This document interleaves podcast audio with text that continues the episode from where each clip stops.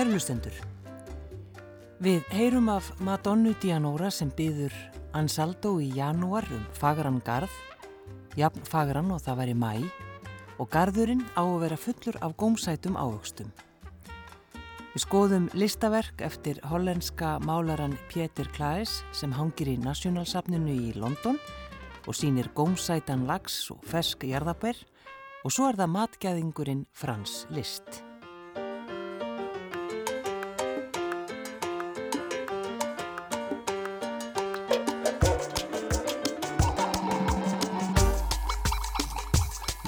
Panchito, muchachito bien bonito con su quinto grado, con el pelo bien cortico y zapatos ilustrados, que quería mucha novia como su papá.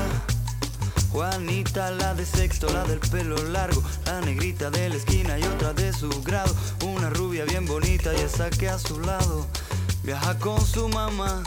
Su padre orgulloso cuenta a sus amigos, sus amigos cuentan a sus propios hijos. Miren a Pachito, qué niño tan guapo chiquito y como su papá. Amo, amo, amo, amo a Cristina. Amo, amo, amo, amo a Teresa. Amo, amo, amo, amo a la rubia. Amo, amo, amo, amo a la prieta. Pero llegó el día que tanta osadía entre andar y andando se fue complicando. Panchito y la chica que ya no querían, no quisieron más. Panchito bonito, bien arregladito, elegante, educado, bien acomodado. No entendió la historia y se fue sin gloria para otra ciudad. Su padre nervioso buscó a sus amigos, le contó que a su hijo ya no tiene esposa ni amante. Cada una de sus cuatro novias se fueron sin decirle nada ni por qué. Y entonces vinieron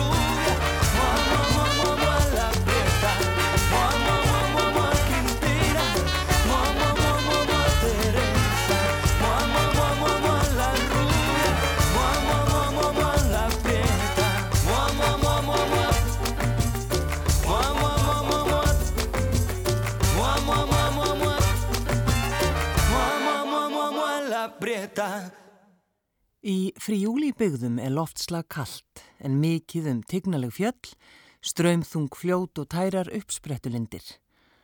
Og þar er borg að nafni út íni.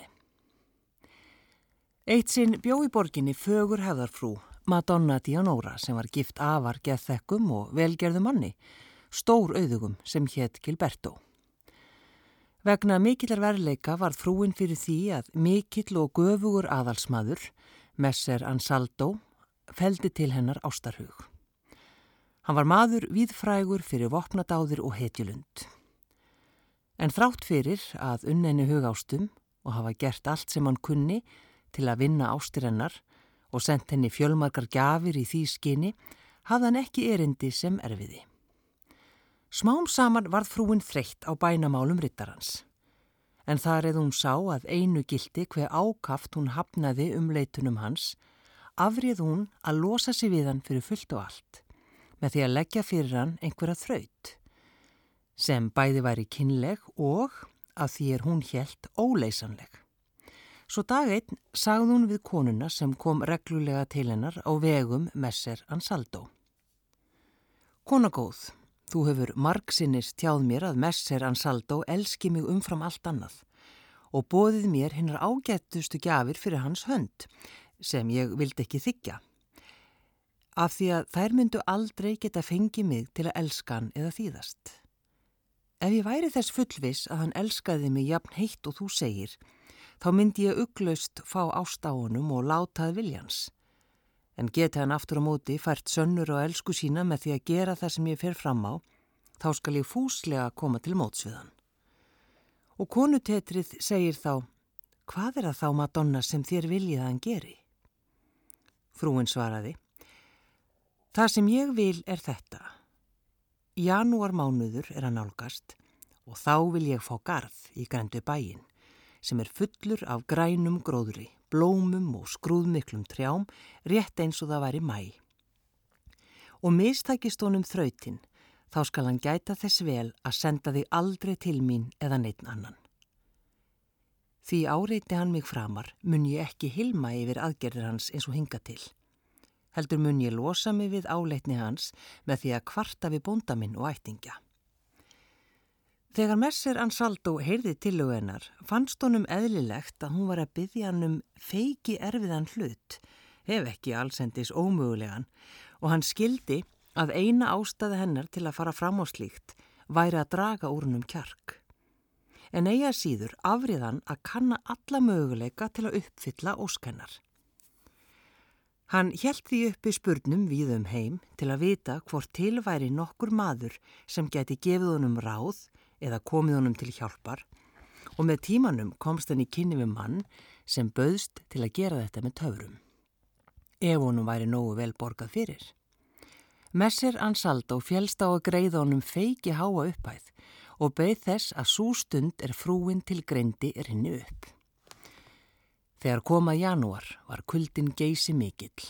Allt var kafið í snjó og ís og nóttina fyrir hinn fyrsta dag mánaðarins beitti töframæðurinn leikni sinni með þvílikum árangri að á fögru engi, ekki íkjalant frá bænum, byrtist um morgunin eins og allir gáttu vitnaðum sem það sáu, einn sá fegusti gardur sem nokkru sinni hefur sérst með plöntum og trjám og ávöxtum af margvíslegustu gerð. Þegar Ansaldó leitt í gleði sinni yfir gardin, let hann undir eins tína saman fegurstu blómin og ávextina og senda þetta laun til frúarinnar. Og bauðinni þar með að koma og sjá gardin sem hún hafi beðið um, svo hún sægi ótvírætt hver heitt hann elskaðana. Þar með gæti hún emt heitið sem hún hafi gefið honum og tekið fyrstu skrefin í því skinni eins og hefðarkonu sæmdi. Frúin hafði þegar heyrt mikið gumað af þessum dásamlega gardi. Er hún kom þangað og sá blómin og ávextina og undir eins fór hún að yðrast heitsins sem hún gaf. En hvað svo sem yðruninni leið, þá hafði forvitnin yfirhöndina. Hún vildi skoða nánar þetta einstaka fyrirbæri og fór á samt nokkrum öðrum konum í borginni að sjá gardin. Hún var ekki lítið hissa og bar á hann mikið lof. En heim og leið hjælt hún næsta örvendingafull og í djúpum þöngum um hvað hún ætti að gera. Svo mikil var neyðennar að hún mátti ekki leininni og að því hlaust óhjákvæmilega að bóndi hennar, sem sá hvað hún var raunaleg, baðan um skýringu. Um nokkur tíma var hún þögul. Hún var of þjökuð til að segja nokkuð. En að lokum tókst honum að þvingana til að segja sér alla málavexti. Gilberto var því fyrstu fókvondur þegar hann heyrði þetta. En þar eð hreinskipni konu hans var augljós, bældaða niður reyði sína eftir rólega í hugun og sagði. Díanóra, það sæmir ekki að vitur og sómakjær kona leggja eirun við þvílikum orðum Nér leggi skýrlífi sitt að veði í samskiptum við nokkurd mann, sama hvað er í húfu. Máttur orðana sem koma innum eirun og setjast að í hjartanu er meiri en margir halda. Og í augum þess sem elskar er nærri að segja allt hugsanlegt. Því fóstu ránglega að, fyrst af öllu með því að virðan viðlits og í öðru lægi með því að eiga kaupiðan.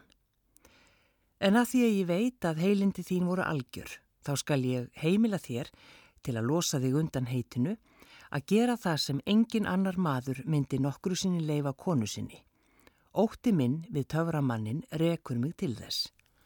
En Messer Ansaldo myndi ef til vill ekki hann á ef þú bregður heitinu við hann að vinna okkur einhver óþurtaverk.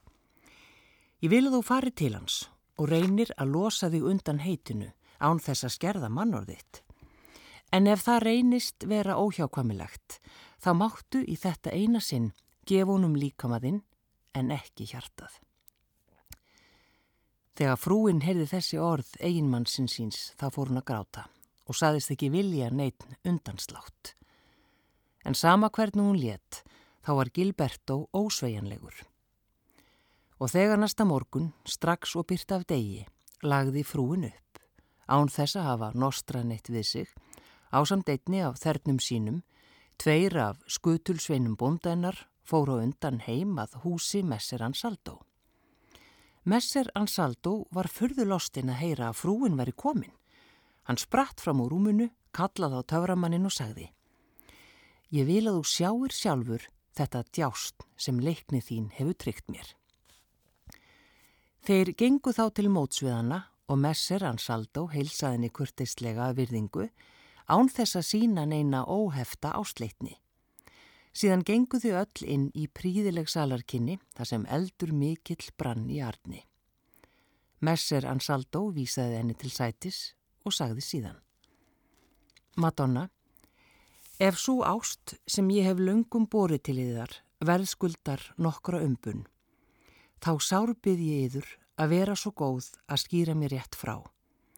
Hvers vegna þér eru komin hingað á þessum tímadags með slíkri fyllt? Niðurlút og gráti nær, saði frúin orðum þessum svo. Messer, ég er ekki hingað komin af ástarsökum nýja vegna þess heit sem ég vanniður. Bóndi minn gaf mér þessa skipun, en honum er meira í mun raunirnar sem hinn óhefta ástiðar hefur bakað yður en eigin heiður og sjálfra mín. Sankvæmt því sem hann skipar er ég búinn til að gefa yður í þetta sinn alla mína blíðu. Svo mikil sem furða Messer Ansaldo hafði verið þegar hann frétti á komu frúarinnar.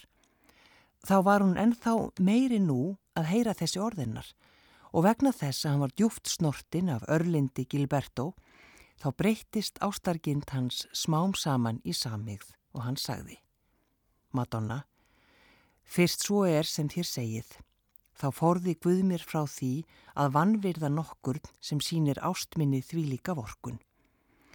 Með yðar samþykki mun ég því, svo lengi sem þér dveljist hér undir mínu þaki, umgangast yður nákvamlega eins og þér værið sýstir mín.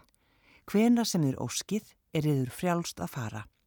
Að því tilskildu að þér berið bónda yðar allar þar þakkir sem þér teljið honum hæfa fyrir hefur mikla drenglindi sem hann hefur sínt mér. Og að þér æsíðan lítið á mig sem þjóttniðar og bróður. Við að heyra þessi orð varð frúin gladari en með orðum verður líst og hún sagði. Eftir því sem ég þekkti til yðar þá þóttist ég vita að koma mín hingað myndi ekki hafa önnur eftirkostin þau sem þér hafi nú borið upp og þeirra vegna mun ég alla tíð verða yður skuldbundin. Svo kvatt hún og snýri aftur heim til Gilberto með sínu fríða föruneyti og sagðunum hvað hafi gerst og upp frá þeim degi voru þeir Gilberto og Messer Ansaldo bundnir sterkum vináttaböndum.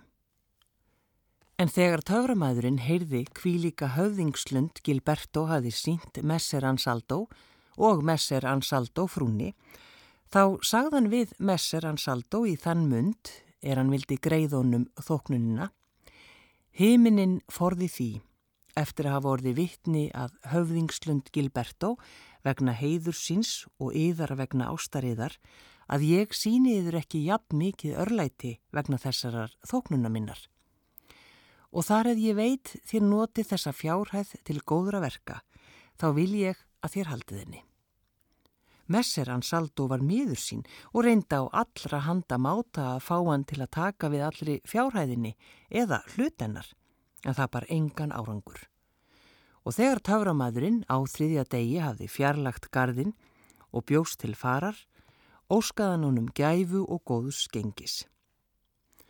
Og nú þegar messeran Saldo hafði bækt frá hjarta sínu girindinni til frúarinnar sem hafði herjað á hann, þá var þann innblásinn af djúbri og kærleiksríkri virðingu.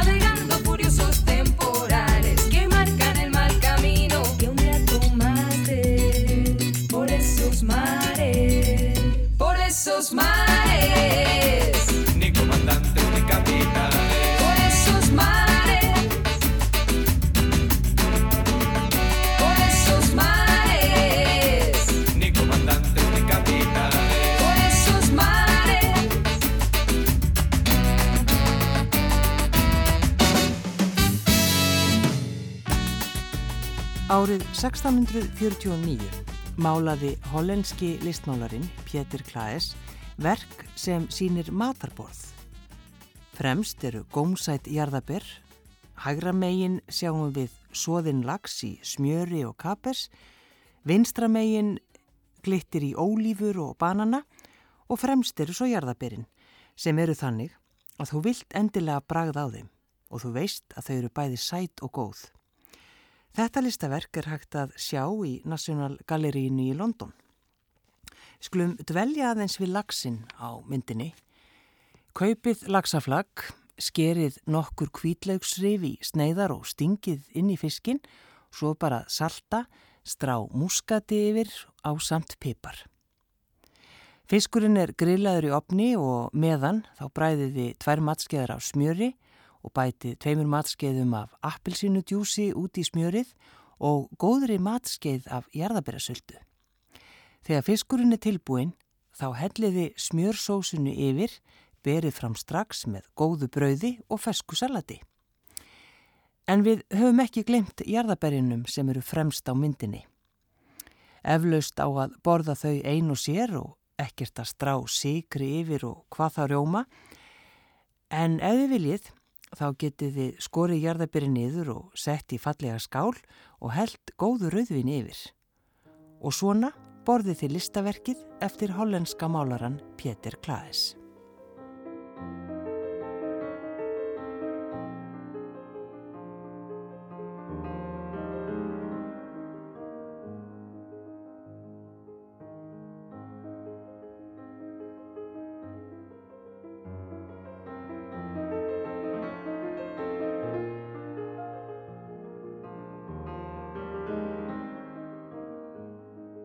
Gestur minn í Maturinn fyrir öllu heiti Lárus Jónesson og kallaði Lalli úr tól tónum. Er það ekki best að kallaði það bara? Jú, ég sagði það. Ég baði að koma til þess að segja mig frá uh, Frans List og, og matnum í kringum hann. En fyrst aðeins, uh, ég, hvernig maður var hann?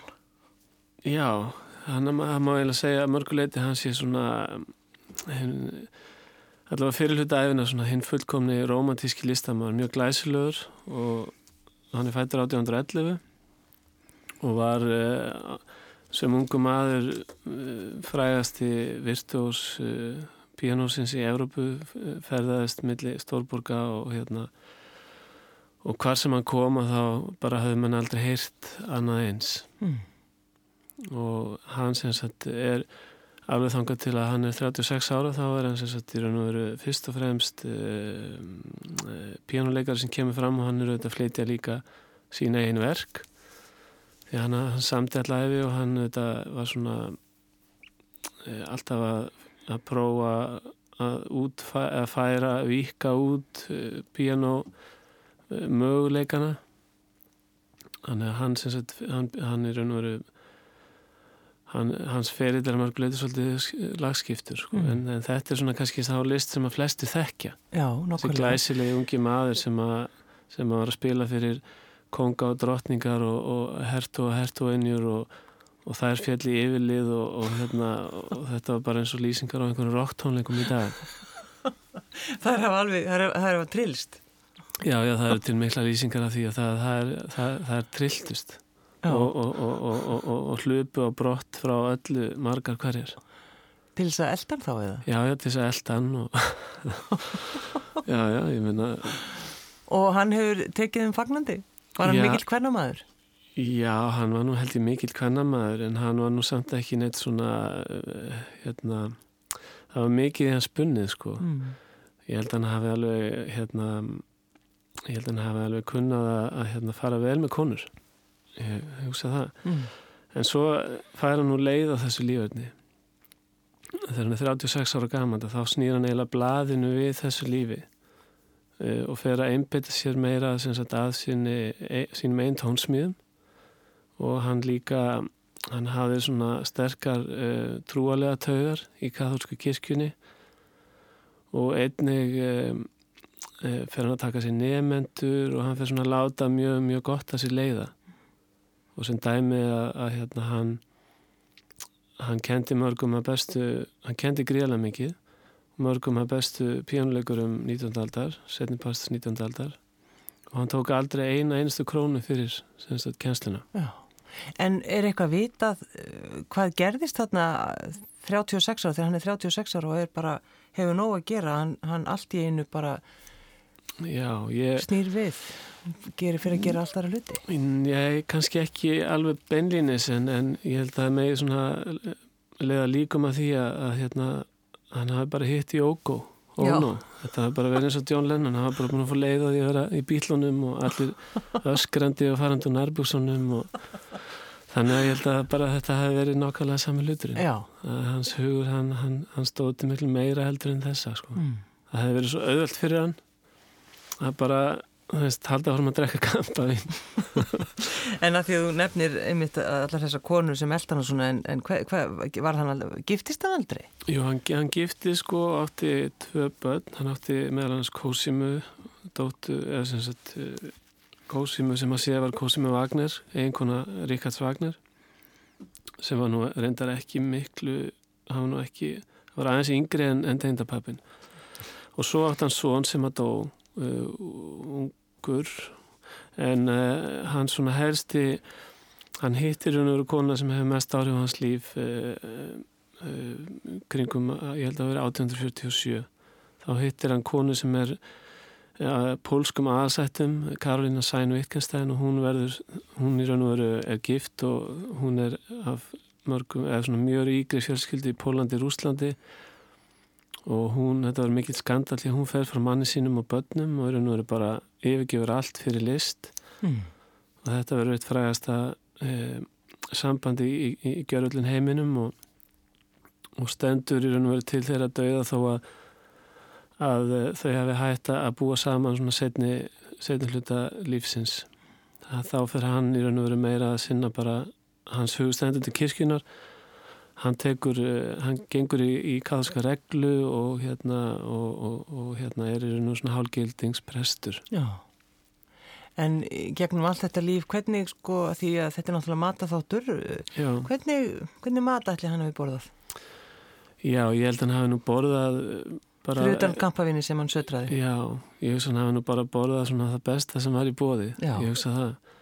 En hann auðvitað, hann ferðast mjög mikið auðvitað og hann hefur náttúrulega verið í endalusum veistlum en svona hans eh, heimili var í Væmar eftir að hann snýr svona við blaðinu. Það var lengstum í Væmar þó hann hafi líka búið í Rómaborg og, og fleiri stöðum. En hans, sko, hann bjóð sjálfur svona sparlega sko innan gæsalappa. Mm En hann hafði þetta hérna, þjóna og hann hafði þetta eldabusku og, og allt slíkt þannig að hann, að, að þetta var svona heimili sem var mikið um gesti.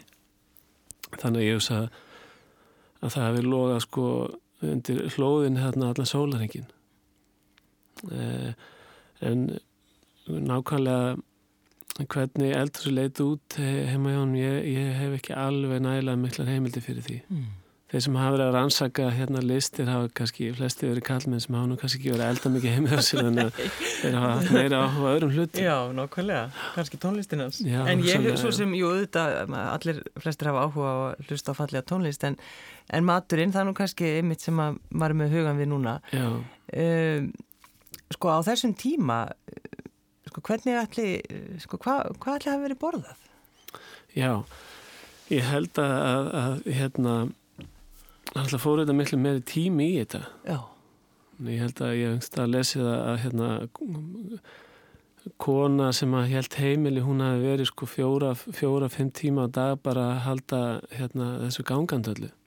Því þetta var náttúrulega kól eða, eða, eða, eða, eða tré sem að var kynnt með jú. sko og þetta svona sót út um allt og annað en ég held að þeir borðið náttúrulega eins og í þessu tilfelli þá eru við sko kannski mest að tala um Frakland og, Þýskaland þá við með náttúrulega þetta sísonelt græmiti sem kemur upp á jörðinu hverjum tíma og svo auðvitað slátrað á, á, á, á hérna á uh, haustin og svona fundnar leið til þess að geima hlutina eftir, eftir því sem maður líður á Mm.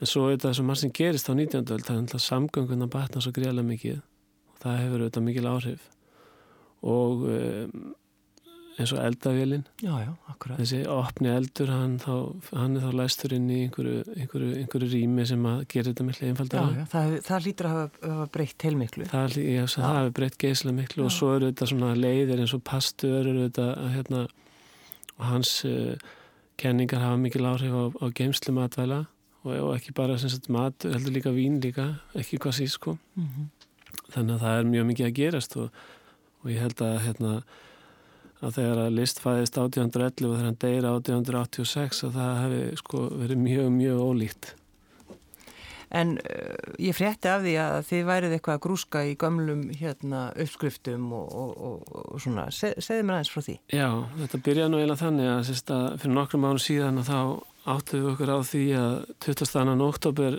2011 veru 200 ára fæðingulist Mm -hmm.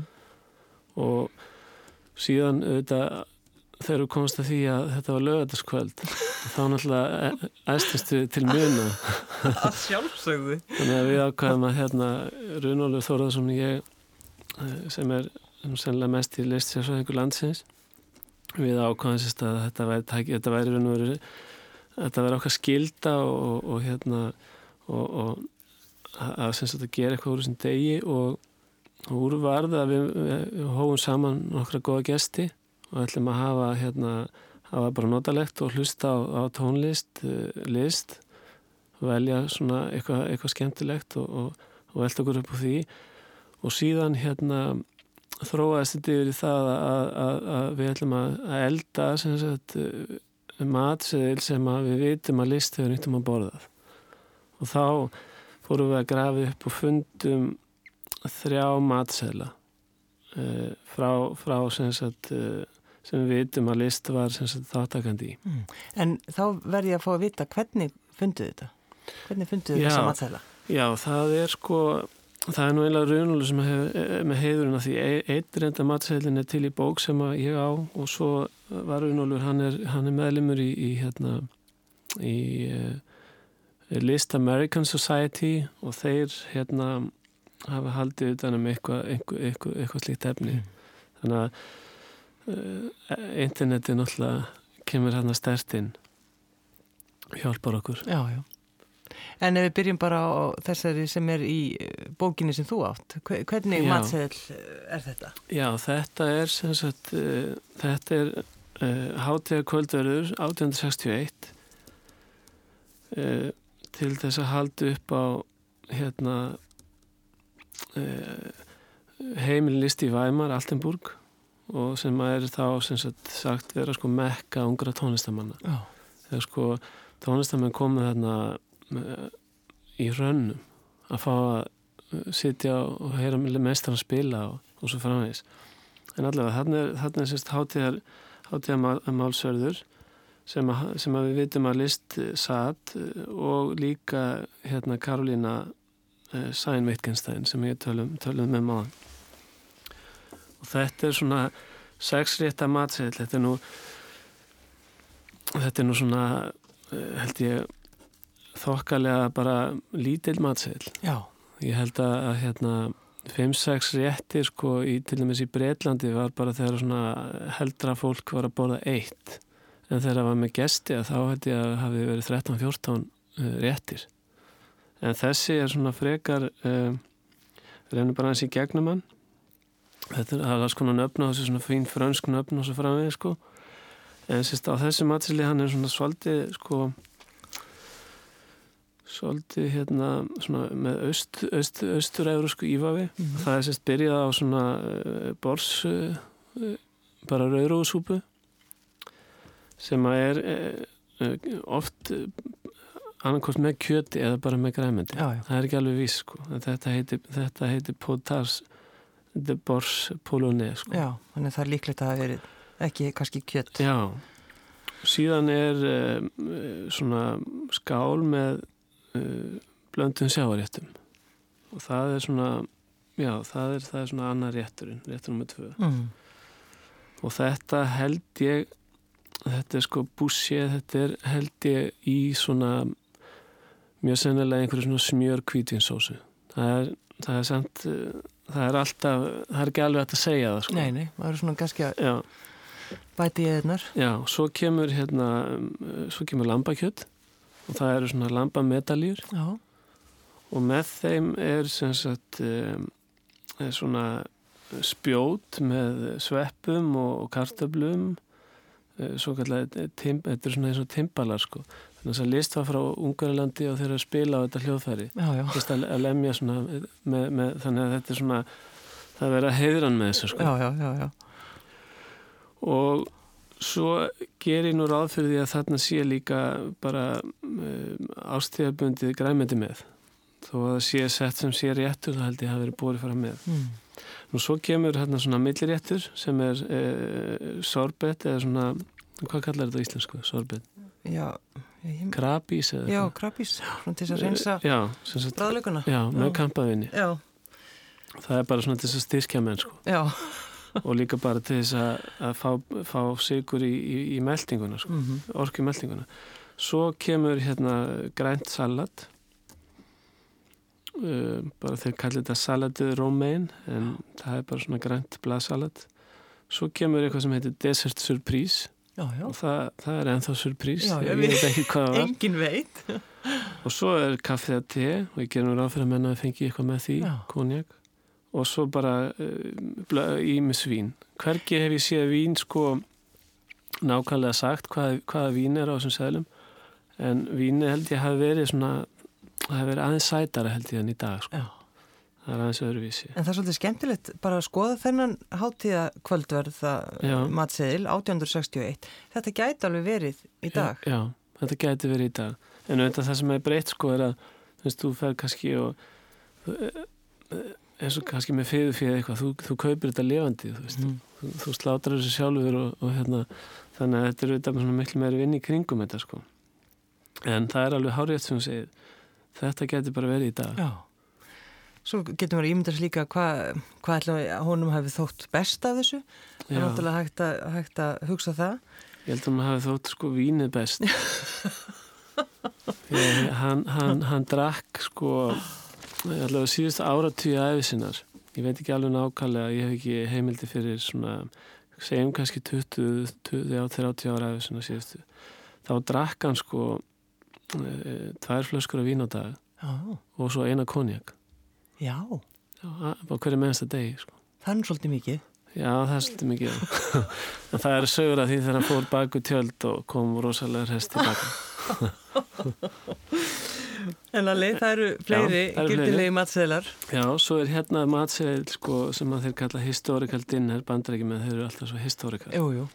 og það er sem sagt um, bandaríski nefndurlist heldur hún, hún til heiðus heldur veislu hún til heiðus 1883 Já, já.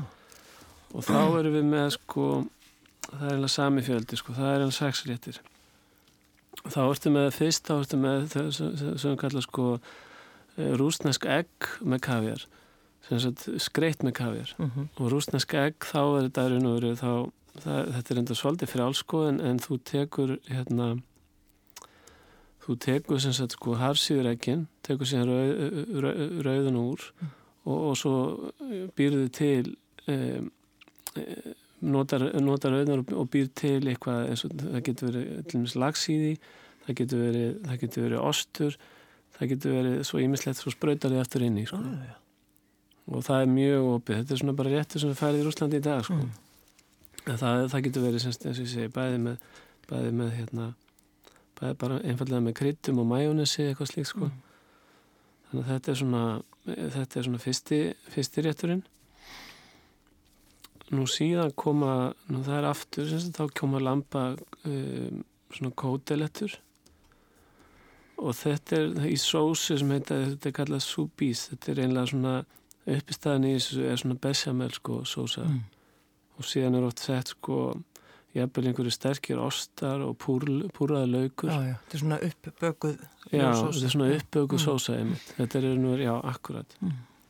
Og með þessu eru hérna eru uh, svona hakkaðir sveppir uh, sem er sem sagt búið búið að krydda og, og heit, er kallað sko du- duxell og, og hérna það er sem sagt, þetta er stekt upp úr smjöri og þetta er þetta heitir í höfuð á einhverjum frægum frönskum kokki, þetta duxell Mm. sem að hétt La Verenne, François La Verenne og, og hann var kokkur hjá eh, hérna eh, hertuanum Duxell á, á sem 17. öld og þegar ég, ég hef reykst á þetta viða sko nú síðan er hérna heilmikið að grænmeti ég ger nú ráð fyrir að það sé svona til hlýðar og það eru sem sagt uh, kartöblur og, og hérna bara það sem er að koma upp úr gardinu hverju sinni. Það er selleri, það eru kvítkál, það eru uh, litli tómatar. Þetta er allt sem bara lagt á, á, á, á hérna eina einn disk og svo kemur hérna uh, sorbet einn óafengur, það er nú típist fyrir bandarækjumennina það eru svo miklu púritanistar. Já, hann hefur nú, list hefur nú ekki verið ánægð með það. Nei, hann hefur ekki ránað með Nei. það en hann hefur sjálfsagt bröðið sér aðeins frá. Og svo kemur þarna salat og það er semst bara venjulegt svona grænt salat og þeir eru með svona sinneps vinegrett Mm. og mann byggu gerna til sko vinegrett, semst eða ekki bara sjálfur sko. Já, Nú síðan kemur eitt réttur hérna, það er semst bara ostur, það er brí með melónu hérna eh, bitum Já, já.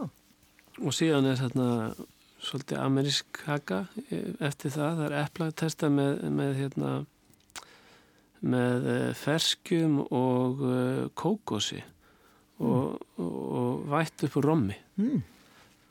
og með þessu er talað um heimabakað franst brauð Já, já. Og síðan er sko kaffi og reynda kemur á sko það er semst kaffi svart kaffi þá sem er svo amerikanar drekka svo espresso eða cappuccino Já. þannig að þeir hafa verið byrjað að fá sér það þarna á þessum tíma Og það, þetta er 1883, þá er, er færðin að södra cappuccino. já, já. Ég, þannig að það, það verðist vera sko. Já. svo er svo síðasti sem ég með hann er frá 1886 það er bara árið sem að list deyr Ætla hann að við haft mikla matalist þá? Hvað var hann?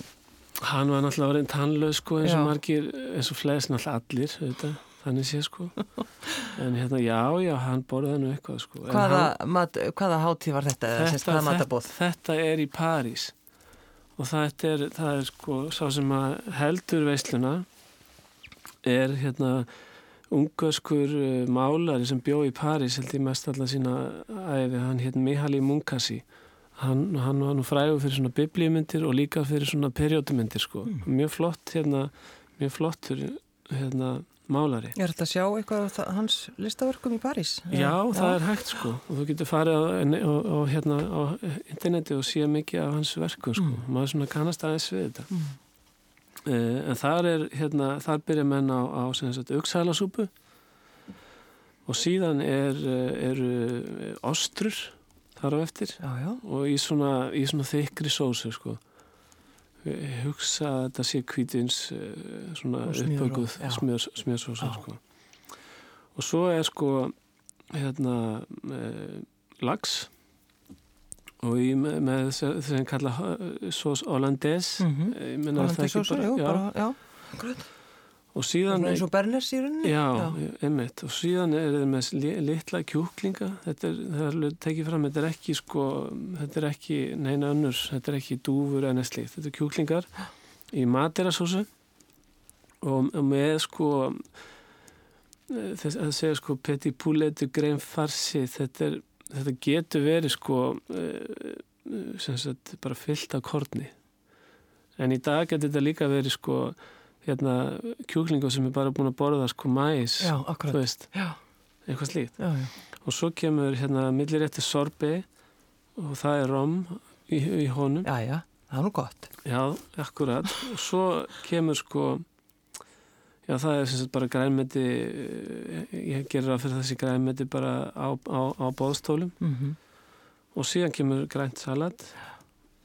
Og svo kemur það sem er kallað bomnelúska og þetta er hérna, þetta getur nú verið ímislegt sko, nelúska getur verið ímsa tegundrukökum en þegar þetta er bomnelúska að þá er þetta yfirlega sko e, svona ískaka Já, já.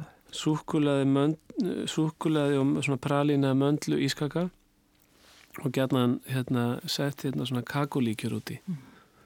eða hérna kúraká og eitthvað slíkt sko þannig og svo er bara kaff og te mm. og þessi, þetta er svona sjörétta sko en maður sér sko að þetta er svona þetta er ekkert hérna, er langt frá okkur sko Nei, það er nú kannski sem kemur mest óvart að Já. þetta er rauninni bara maður er rauninni kannast við að þessa rétti já, já, það er rauninni verið sko kannski minna máli gerðið í dag sko Já, en, en sko þetta borðaði list sér já. til gleði með þess að mann södraði vín já. en hvað ætli þið að gera með þessar upplýsingar? Já, nú sko er þetta einlega svolítið mínum höndum sko. Ég get hérna, nú er ég sko ég vona bara að, að gestinni sko sem að ég, við erum með að hlusta ekki á þetta sko. Þá er ég að halda mig við matsæluna sko. En hérna það sem ég ætla að gera ég ætla hérna ég ætla, ég ætla að búa til minn eigin matsæl úr þessum þreymur sko. Svona, og kannski svindla eitthvað pínlítið en ég mun ábyggilega að hafa sko sorbein og hann verður alveg mjög sterkur Já, hann er gott vodkið eða rom. Já. Já, og eins og með til dæmis sko eins og ostrónum, ég held að menn hann þeir hljóta að drukki fínt kampaðin með þessu sko. þannig að það er að leika sér eitthvað svo leiðis og svo náttúrulega eru eins og með þessum desistum að það eru náttúrulega þessi, þessi, þessi sætu ungasku vín. Mm -hmm. Sem að náttúrulega eru frá þessu svæði sem, sem að listurinn eru bara fæðist þetta er enna svæði það sem að eru þessi, þessi svakalega fínu sætu vín þannig að ég veist að við læðum þínu með einhverstað sko. já, já.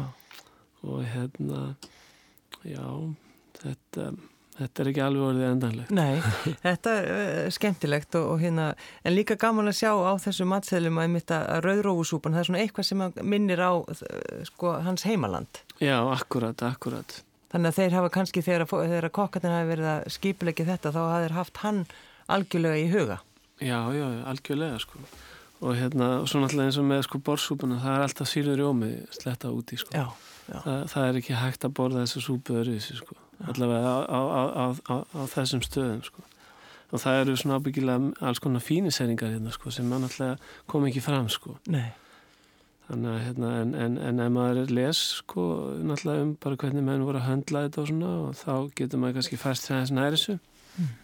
Þannig að ég, ég, ég er nú svona aðeins að stúdira það núna sko. Já en hérna ég mun samt sko, ég mun alveg nota rammagn og svo leiðis Þú ætlar ekki alveg þú ætlar ekki alveg að, að tapa þér Nei, en Lárus Jóhannes svona 12 tónum ertu, sko, ertu mikill matmaður?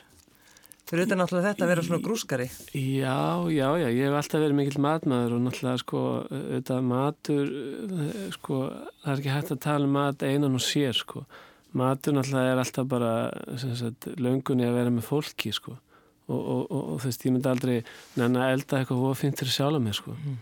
ekki þannig, þannig að jú, ég menna að það er bara matur eru þetta bara svo stór hlut af lífinu mm. Lárus Jónesson og 12 tónum takk fyrir þetta og gangið vel að elda í kvöld Já, takk fyrir það